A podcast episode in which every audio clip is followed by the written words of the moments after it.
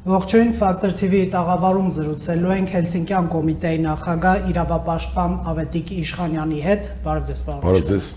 Պարոն Իշխանյան, դուք հայտարարել եք, որ համանadrական դատարանի նախագահ Հրայր Թովմասյանի նկատմամբ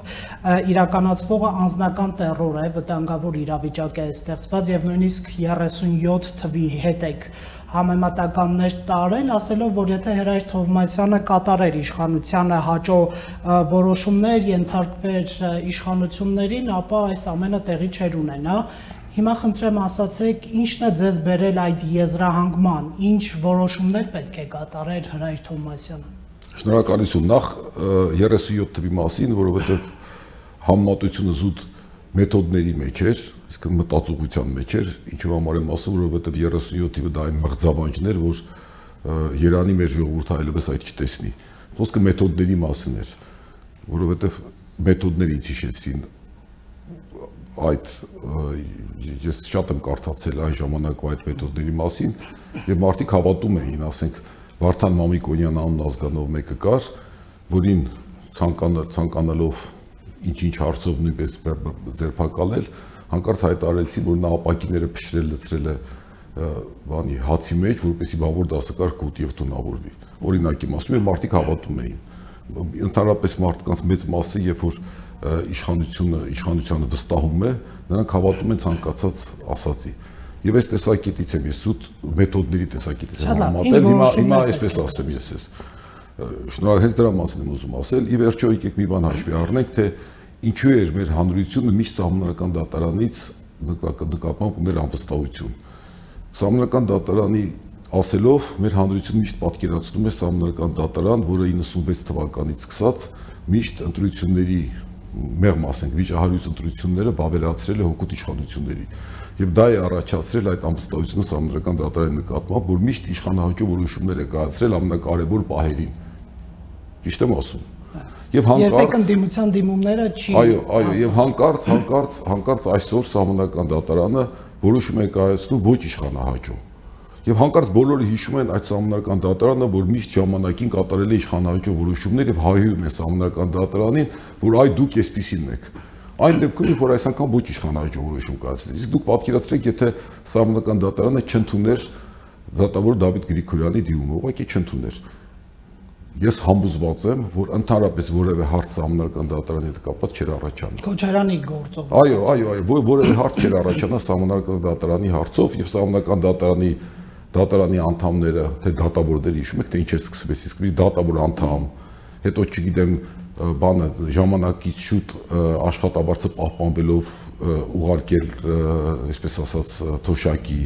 հետո հանկարծ դրանից հետո այդ այդ ամեն ինչից հետո հանկարծ բարձվեց սկսվեցին այդ ստուգումները, հետո հանկարծ որ իշխանության յուրացում է եղել եւ այլն եւ այլն։ Այսինքն ինչ եմ ուզում ասել, այդ ամեն ինչը սկսվեց ինչից հետո։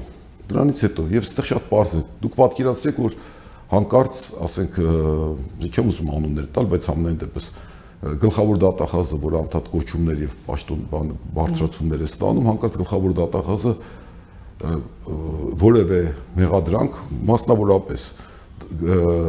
դատավոր Դավիթ Գրիգորյանի նկատմամբ մեղադրանք չառաջադրեր։ Դե գլխավոր դատախազը այսօր մարտի 1-ի գործով ինքն է մեղադրանք։ Դու այդ էլ դուք հիշեցրեցիք, ես ուղղակի այսօրվա բանն եմ, չներկայացներ։ Ես պատկերացնում թե ինչ կկատարվեին գլխավոր դատախազի նկատմամբ։ Նույնը վերաբերում է էլի անուններով ես պետք է հնչեցնեմ, քանի որ Հրայր Թովմասյանի անունն է հնչում։ Դուք պատկերացրեք, որ դատավոր մնացական Մարտիրոսյանը խափան միջոցը փոխեր բանի գեներալ Մամել Գրիգորյանի, որը ծանր հիվանդ է։ Ինչ կկատարվեր նրա հետ։ Պատկերացնում եք կամ Հիշում եք Սամվել Մայրապետյանի խափամիջոցը չէր փոխել դատավորը, հետո եվրոպական մարտիրամքների եվրոպական դատարանի որոշումը փոխվեց։ Իսկ եթե նա ինքը իր անձնական նախաձեռնությամբ փոխեր, ինչ ինչ կկատարվեր նրա։ Իսկ ինչ կկատարվեր մնացական մարտիրոսյանը։ Ինչ կկատարվեր մի բանը միանգամից տարբեր հա, մի մի գործով չէ տարբեր գործերով քրեական գործեր կհարուցվել դատախազության կողմից եւ նրա նրա նրա դատա ոչ մեկ կասեցվել այլև այսօր նա կալանավորված կլներ վստահ եղել եւ որ մարդիկ հիշում են հայտնի Պապլավոկի դեպքից սկսած Շանթ Հարությունյանի մարտի 1-ի եւ այլն դեպքերով սկսած այդ ամենի բայց դատավորի անունը չեն հիշում այդ ամեն ինչը ոչ միայն կհիշվեր, այլև հազար ու մի ուրիշ բաներ եւ այսօր նա կալանավորված կլներ վստահ եղել։ Այսինքն պնդում եք, որ իշխանությունը ճնշում է դատական համակարգին, ճնշում։ Դուք ասացիք ինչպես հայտնի խոսքը։ Չէ, դուք ճշտում եք ձեզնից։ Եվ այնուամենայնիվ պարոն իշխանը, եթե վերանանք Հրայր Թովմասյան, այսօր հա, այստեղի ունեցող Այ կարևորը գիտեք որն է, որ պետք է վերանալ Հրայր Թովմասյան անձից Մենք չենք կարողանում վերանալ Հրայր Թոմասյան անձից։ Հարցը ձևակերպեմ, ինքներդ խոսեցիք համադրական դատարանի նկատմամբ հանրության վստահության մասին, հիշատակելով, որ անկախ Հայաստանի պատմության ընթացքում հա 96 թվականից հենց ընդդիմության որևէ դիմում համադրական դատարանը չի հաստատել, հա, ընտրությունների կեղծման փաստով մոտ 10-նյակ դիմում է այդպեսի ներկայացվել։ Ինչևէ։ Այնուամենայնիվ դա չի խոսում հենց նրա օգտին, որ այս համանդրական դատան պետք է այլևս չշարունակի, հա, աշխատել, ճանանալով հանրության վստահությունը։ Այդ ձեզ այդպես կհակադարձել։ Բավական հետաքրքիր հարց տվեցիք, այդ դեպքում ես էլ հարցը շարունակեմ նորից կրկնեմ ինչ որ նախորդում ասացի, այդ ինչի հիշեցին դրա մասին այն ժամանակ, երբ որ ոչ իշխանաճով որոշում եղավ մեկ առաջինը։ Երկրորդը, իսկ ինչու եք դուք բացառում, որ գուցե եւ արդեն իշխանապողությունից հետո նույն համանրական դատարանը սկսել ինքնուրույն ավելի գործել, եթե մենք հավատում ենք նոր իշխանությունների դատարանների գործերին չմիջամտելու խոստումին։ Ինչու ենք դա բացառում ի վերջո չի կարելի բացառել որ այնտեղ մասնագետներ են եւ անդադ ճնշման տակ որոշումներ ընդունելուց հետո այժմ գուցե առանց ճնշումի նորմալ որոշումներ ընդունեին։ Սա երկրորդ երկրորդ հարցը։ Եվ երրորդը երրորդը եթե իսկապես նոր իշխանություններ ուզում էին իսկապես անկախ չեզոք քաղաքական որևէ ուժից կապ կապված չլինող համանական դատարան ձևավորել, ապա գոնե դրա այսպես ասենք առաջին հնարավորությունը կար, երբ որ հանրապետության նախագահը երկու անգամ առաջադրեց թափուր տեղի համար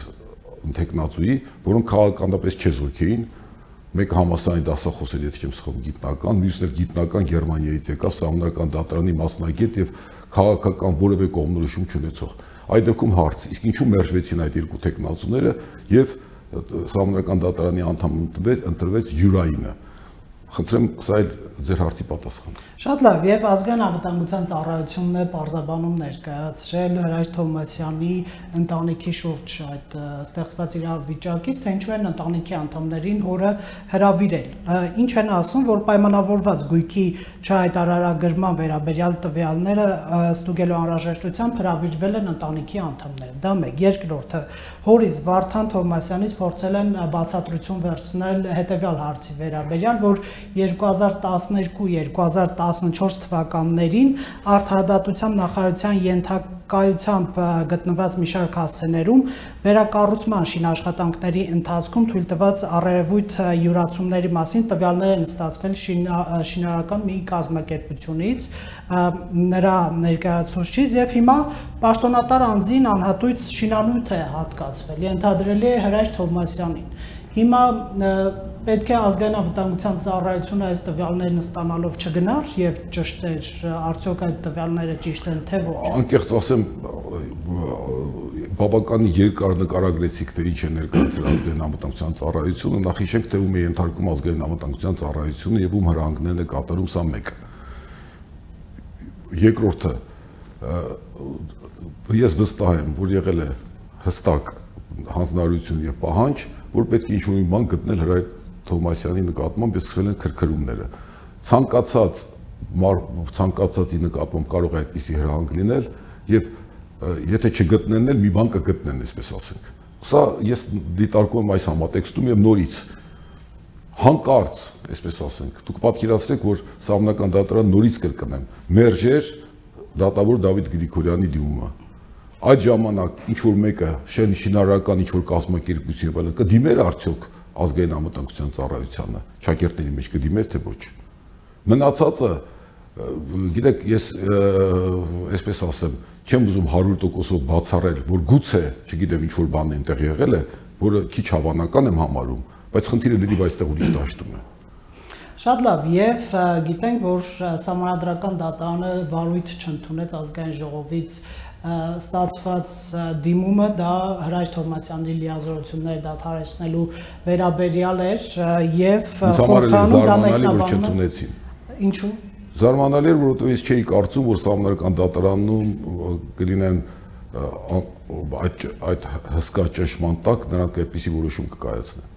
խորթանից եղավ հակազդեցություն եւ մեկնաբանություն, որ համանդրական դատարանը իրենց զրկել է լիազորություններից եւ պետաիրավական հարցերի հանձնաժողովի նախագահ Վլադիմիր Վարդանյանը ասաց գործում է համագրական խաթարման մի շարունակեք, մի շարունակեք, այսինքն այսինքն այսինքն այս այդ ամբողջ ասացի իմաստը հետեւյալն է հոգեբանությունը։ Մենք իշխանություն ենք, ոնց չեն ենթարկում դատարանները մեզ, վերջ միայն այդ ամբողջ ասացի իմաստը դա է։ Ասացի իմաստը սա է, ես շատ եմ լսել տարբեր այդ падգամավորների խոսքերը, ամբողջ եթե բոլորը գումարենք իրար, ապա իմաստը սա է։ Մենք ժողովրդի քվե ենք ստացել 70%-ից ավելին եւ այդ դատավորները ինչպես է որ մեզ չէին ենթարկվում։ Այսինքն նրանց պատկերացման մեջ իշխանությունը պետք է լինի մոնոլիտ բոլորը պետք է իրենց ենթարկվերի հանկարծ ինչ որ սահմանական դատարան համարցակվում է իրենց դիմումը չընդունել ընդամենը սա է մնացածին չեմ ուզում անդրադառնալ այնուամենայնիվ պարոն Իշխանյան եթե հիմքերի վրայով փորձենք անցնել հա ինչու են Հրայր Թոմասյանին ուզում որպեսզի կասեցվի այդ լիազորությունները ըստ ազգային ժողովի վերած հիմնավորումների նա Ռոբերտ Քոչյանի դիմումի քննության ընթացքում կարգապական խախտումները թույլ տվել Խնդրեմ ասացեք, արդյոք սրանք փաստեր չեն, որոնց հիման վրա, այո, հենց հիմա բերեմ։ Պետք է Թովմասյանի լիազորությունները Լավ, դուք ուզում եք որ ես ասեմ, որ ճիշտ է, ճիշտ է արվում։ Թող ինքնասպանություն գործի։ Դու ձեր ամբողջ ասած իմաստը որ Հրայր Թոմասյանը պետք է ինքնասպանություն գործի։ Լավ, շարունակի։ Ոչ, Հրայր Թոմասյանը եղել է Հանրապետական կուսակցության падգամավոր եւ որպես падգամավոր ընտրվել է համադրական դատարանի անդամ կամ դատավոր եւ ազգային ժողովի բերած պնդումներում հետեւյալն է. Հանրապետական կուսակցության նախագահ Սերժ Սարգսյանն է, որի եւ Ռոբերտ Քոչյանի շահերը համընկնում են մարտի 1-ի գործով, դե Հրայր Թոմասյանն էլ այդ հանրապետական կուսակցության ներկայացուցիչ է եղել, ՍԴ-ում շատ հնարավոր է սпасարկի այդ գուսակցության տեսակետը։ Արամ Օրբելյանի հետ քավոր սանիկական կապերի մեջ են, բայց ինչի մասին Հրայր Թոմասյանը չի հայտարարել եւ չի ասել, որ անհնար է իր մասնակցությունը։ Արդեն ձանձրալի է, գիտեք, ամեն ինչի մասին մանրամասն խոսելը ձանձրալի է, բայց համենպես ես ասեմ։ Մի ես մի հարց տամ, մի հարց տամ։ Շիրակ Թորոսյանը մասնակցել է քվեարկությանը, թե ոչ։ Շիրակ Թորոսյանը։ Այո, падգամավոր Շիրակ Թորոսյանը մասնակցել է այդ որոշման քվեարկությանը, որ դիմել է։ Միգուցե պետք է ճշտել ընդհանրապես։ Ինչու է մասնակցել, չէ՞ որ նա եղել հանրապետական կուսակցության անդամ հանրապետական ֆրակցիայից ինչու է մասնակցել նա ինչքանով որ հիշում եմ հայկական անդամ չի եղել ֆրակցիայի անդամ է եղել այդ ֆրակցիայի անդամ եղել բայց դեմ է եղել չէ այդ ֆրակցիայի գործունեությանը չէ միշտ դեմ է եղել դե եթե չէ միշտ դեմ է եղել չէ եղել այսինքն այստեղ հարցը տրամաբանությունը པարզ չի այդ դեպքում այդ որոշ այդ որոշմանը նա նա նա չպետք է մասնակցեր սա սա դնենք մի կողմ սա դնենք մի կողմ ի վերջո հանրապետական կուսակցության անդամ է եղել երբ բանից է եղել հանրապետական կուսակցության անդամ եթե չեմ սխալվում 12 թվականից, չէ՞։ Հրայր Թովմասյանը։ Հրայր Թովմասյանը։ Ինչ այդ արտադայությամբ նախարար է եղել։ Հա լավ 11, հա լավ, հա, հա, ինչև է։ Հա, այսինքն այսինքն դա հիմքեր են հիմքեր են հանդիսանում, որպեսզի նա այլևս չմտա։ Այդ դեպքում մնացած բոլորն էլ չպետք է մասնակցեին։ Նրանցից մեկն է ժամանակին Բարգավաճ Հայաստանից է եղել եւ այլն։ Եվ ավելին կներեք, ես ավելին ասեմ, եթե մենք այդ տրամաբանությամբ ենք շարժվում, այդ տրամաբանությամբ շարժվում 2008 թվականին Լևոն Տեր-Պետրոսյան դիմեց համանական դատարան, չէ՞ Պետք է պահանջեի, որ համանդական դատարանի դատարանում բանը ընտրությունների արդյունքները մի րոպե, մի րոպե, մի րոպե, հասկանալի է։ Այդ դեպքում այն ժամանակվա իշխանությունը պետք է պահանջեր, որ համանդական դատարանի այն անդամները, որոնք նշանակվել են Լևոն Տեր-Պետրոսյանի կողմից, չպետք է մասնակցեն որոշմանը։ Դե այստեղ գործունեն կուսակցական պատկանելիության այդ բանը իշխանան Հրայր Թովմասյանի դեպքում։ Ինչ կուսակցություն։ Եվ նաև Արևիկ Պետրոսյանի։ Հա լավ եղավ։ Դուք դուք կողմեք որ այս ամեն ինչի հիմնավոր է։ Սա ծիծաղելի է ուղակի։ Գիտեք այս փաստարկները ուղակի ծիծաղելի են։ Այդ որտեղ է գրված, որ սահմանական դատարանի անդամը նախկինում կուսակցական եղած չպետք է լինի։ Մի հատ միջազգային փաստաթուղթ բերեք կամ Հայաստանի Հանրապետության որևէ օրենք, որ նա չպիտի լինի։ Դե չէ, ազգային ժողովն ասում է գոնե պետք է Հրայր Թոմասյանը դրա մասին բարձրաձայներ։ Ինչ մասնակցության անհնարինության մասին հայտարարել։ Բայց ինչով է անհնարինությունը հանրապետական կուսակցության Իսկ ինչի դա հիշեցին էլի նորից եմ կրկնում, հիմա հիշեցին, ինչի նախկինում չէին հիշել։ Ախր գիտեք ինչ է, ես մի ընդհանուր տրամաբանական հարց դրեցի, դուք անդադ այդ հարցի շուրջը փորձում եք ինֆորմացիա։ Ամբողջ գիտեք ինչ է, այդ ամեն ինչը ճակերտավոր ասեմ, այդ բոլոր հիմնավորումների, հիմնավորումները մի հարցի շուրջ են։ Հրայ Թովմասյանը իրենց չի ենթարկվում։ Վերջ, մնացած արդեն գիտեք ինչ է, մնացած անտը տարբեր բաներ են փնտրվում եւ գտնվում։ Հանգուցալուծումը ո՞րն է լինելու։ Հանգուցալուծումը չեմ չեմ կարող ասել, հանգուցալուծումը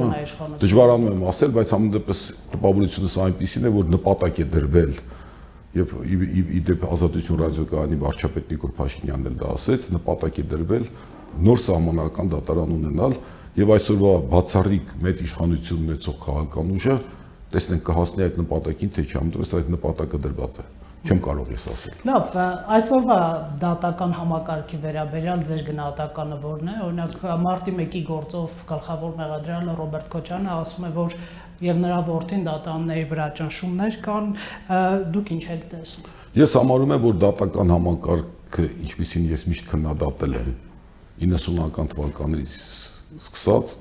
ես համարում եմ, որ դատական համակարգում որևէ բան այսօր դեռևս չի փոխվել։ Եվ դատական համակարգը ինչպես ժամանակին 90-ական թվականների ենթարկում էր այն ժամանակվա նախագահ Լևոն Տեր-Պետրոսյանին, հետո Ռոբերտ Քոչարյանին, հետո Սերժ Սարգսյանին, այժմ էլ ենթարկում են Նիկոլ Փաշինյանին։ Ես կարող եմ դրա համար փաստեր բերել։ Խնդրեմ։ Հնից սկսեմ թե նոր փաստեր։ Նորից։ Նորից, նորից։ Ուրեմն միջև իշխանապողությունը հիշենք, որ Հայաստանում կատարվում էին մի քանի դատավարություններ աղմկահարույց, ես չեմ ուզում կենցաղային մյուս դատավարությունների մասին խոսել։ Սասնացարերի դատավարություններ, Սամվել Բաբայանի դատավարություններ, Անդրեաս Ղուկասյանի դատավարություններ, չէ՞։ Ժիրայր Սեֆիլյանի դատավարություններ, այդ նորքի գործով դատավարություններ եւ եւ հիշում ենք չէ որ բոլոր փորձերը որևէ մեկի խափան միջոցով դեկոս փոխելու անհաջողության էին մատնվում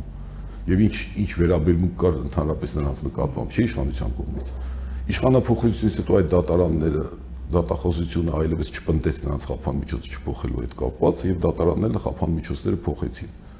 Հիմա հարց. Նրանք անկախացան, այլևս իշխանության ազդեցությունը չկար, թե այն ժամանակ ենթարկվում էին այն իշխանության, այժմ այս իշխանության։ Որքան հիշում եմ հիմնավորումները իրադրության փոփոխությամբ էին։ Հիմնավորումները դրանք դրանք այսինքն իրանք իրենց ինքնուրույնությամբ են, այսինքն ինչ է նշանակում իրադրության փոփոխություն։ Այսինքն նորքի նորքի այդ գործը այն ժամանակ բան վտանգավոր էր որպես զինված խումբ, հիմա վտանգավոր չի այլևս, հա այդ տարիությունն ինքնուրույն սկսեցին դատարանները այդպես որոշել։ Ինչ տեղ ունեցավ այդ դեպքում։ Այն ժամանակ այն ցուցումներն էին կատարում ել այդ ցուցումներ։ Մի ուրիշ հարցի մասին խոսենք։ Այդ անունները, որ ես հնչեցրեցի, գլխավոր դատախազ եւ այլն, որոնք հլուպատակ, այսպես ասենք, ցանկություններն են կատարում իշխանությունների, ի վերջո այստեղ կա մի կարևոր սկզբունք։ Մեծ մասամբ ենթարկում են իշխանություններին այն մարդիկ, որոնք բավական կաշկանդված են իրենց նախկին կոռուպցիոն գործարքներով։ Եվ եթե Հրայր Թովմասյանը կոռումպացված լիներ, ապա ես չեմ կարծում, որ նա կընդդիմանար իշխանություններին։ Լավ, մյուս կողմից իշխանությունը իր հերթին դատական բարեփոխումների մասին հսկայական նախագիծ է պատրաստել, որտեղ կամ օրինակ դատավորների անկախության բարձրացման ուղղված 5-6 անգամ աշխատավարձ բարձրացնելու այսպես մտադրություն կա, երկրորդը, որ դատավորների բարեվարկության ստուգման մասին եւս հանձնառություն է վերցնում իշխանությունը ինչ նպատակ ունի արդյոք սրանք իսկապես անկախության բարձրացմանը ուղված գործիքներ չեն Ես հիմա թույլ տվեք չպատասխանել հստակ այդ հարցին, որովհետև դա ենթադրությունների մակարդակից կլինի ընդամենը։ Ինչպես ասում են, կապրենք կտեսնենք, ես ինքս էլ ակտիվորեն կմասնակցեմ այդ գործընթացին, այդ տեսնենք ինչպես ինչպեսին կլինի, ինչքան որ իմ, իմ ուժերը ներում են, եւ ես շատ կուզենամ որ սխալված լինեմ, որովհետեւ սխալված լինեմ ինչ տեսակետից, որովհետեւ եթե ասեցի եւ ինքսից հակասեցի։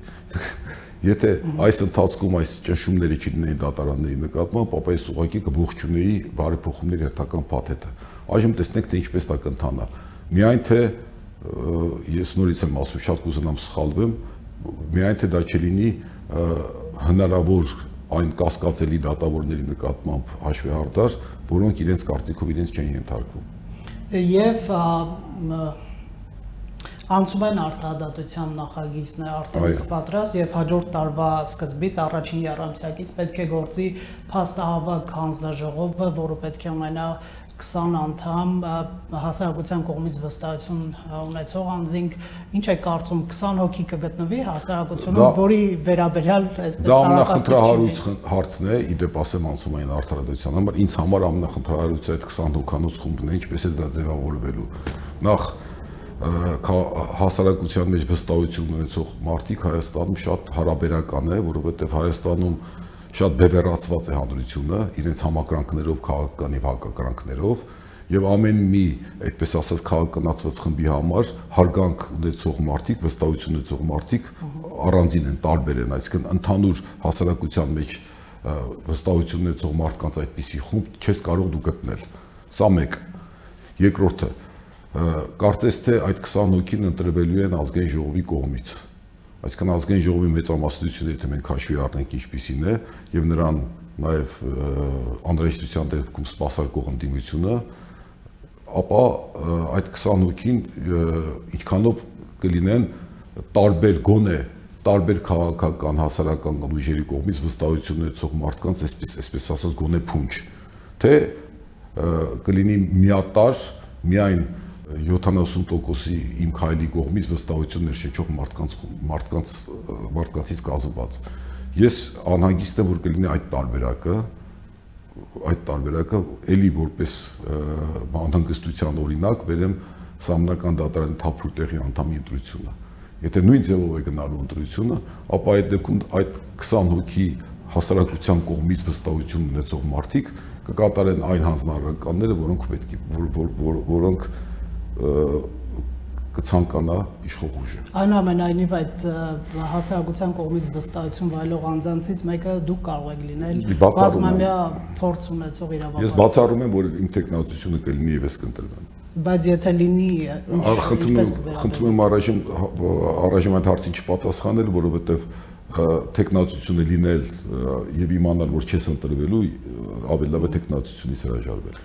Շատ լավ, հիշելով 2002 թվականին Ամեկ Պլյուս հեռուստաընկերությանը հեռուստաեթերի լիցենզիայից զրկելու այդ պատմությունը դուք օրերս գրառում եք կատարել եւ կանխատեսել, որ մոտ ապագայում հեռուստատեսության եւ ռադիոյի մասին նոր օրենքի դրույթներով անցկացված մրցույթի արդյունքում ՀՌՀ այդ նույն կերպ կվարվի նաեւ Երկիր մեդիայի, TV5-ի, Arnews-ի, H2-ի եւ կենտրոնի նկատմամբ ինչու եք այդպես կարծում խոսքի ազատությանը վտանգ է սպառնում? Ես դա դա այսպես ասած կատակային կանխատեսում է շատ կուզենամ որ դա մնա մնա զուտ որպես կատակ բայց անհանգստություն մեջս կա մանավանդ ես ասեմ որ բանի այդ հայլու առաջ ծրագրի փակումը անկախ այն բանից թե մենք ոնց ենք վերաբերում այդ ծրագրին դրա փակումը կարծես թե արդեն դրա նախանշանն է հենց այդպես էլ է սկսել է այդ իմ գրառումը ինչը սпасել հրայր Թովմասյանի շուրջ ստեղծված իրավիճակից մեկ նախադասությամբ չգիտեմ իսկապես ես արդեն ավս պատասխանեցի արդեն չգիտեմ ամենպես նորից կրկնեմ որ նպատակ է դրված եւ և այսպես ասած օրենսդիր եւ գործադիր միատար մարմնի կողմից եւ նրանց աջակցող հասարակության կողմից սա բանը այսօրվա գործող սահմանական դատարանը չեզոքացնել կհասնեն նրանք հաջողության թե ոչ տեսնենք շնորհակալություն խնդրեմ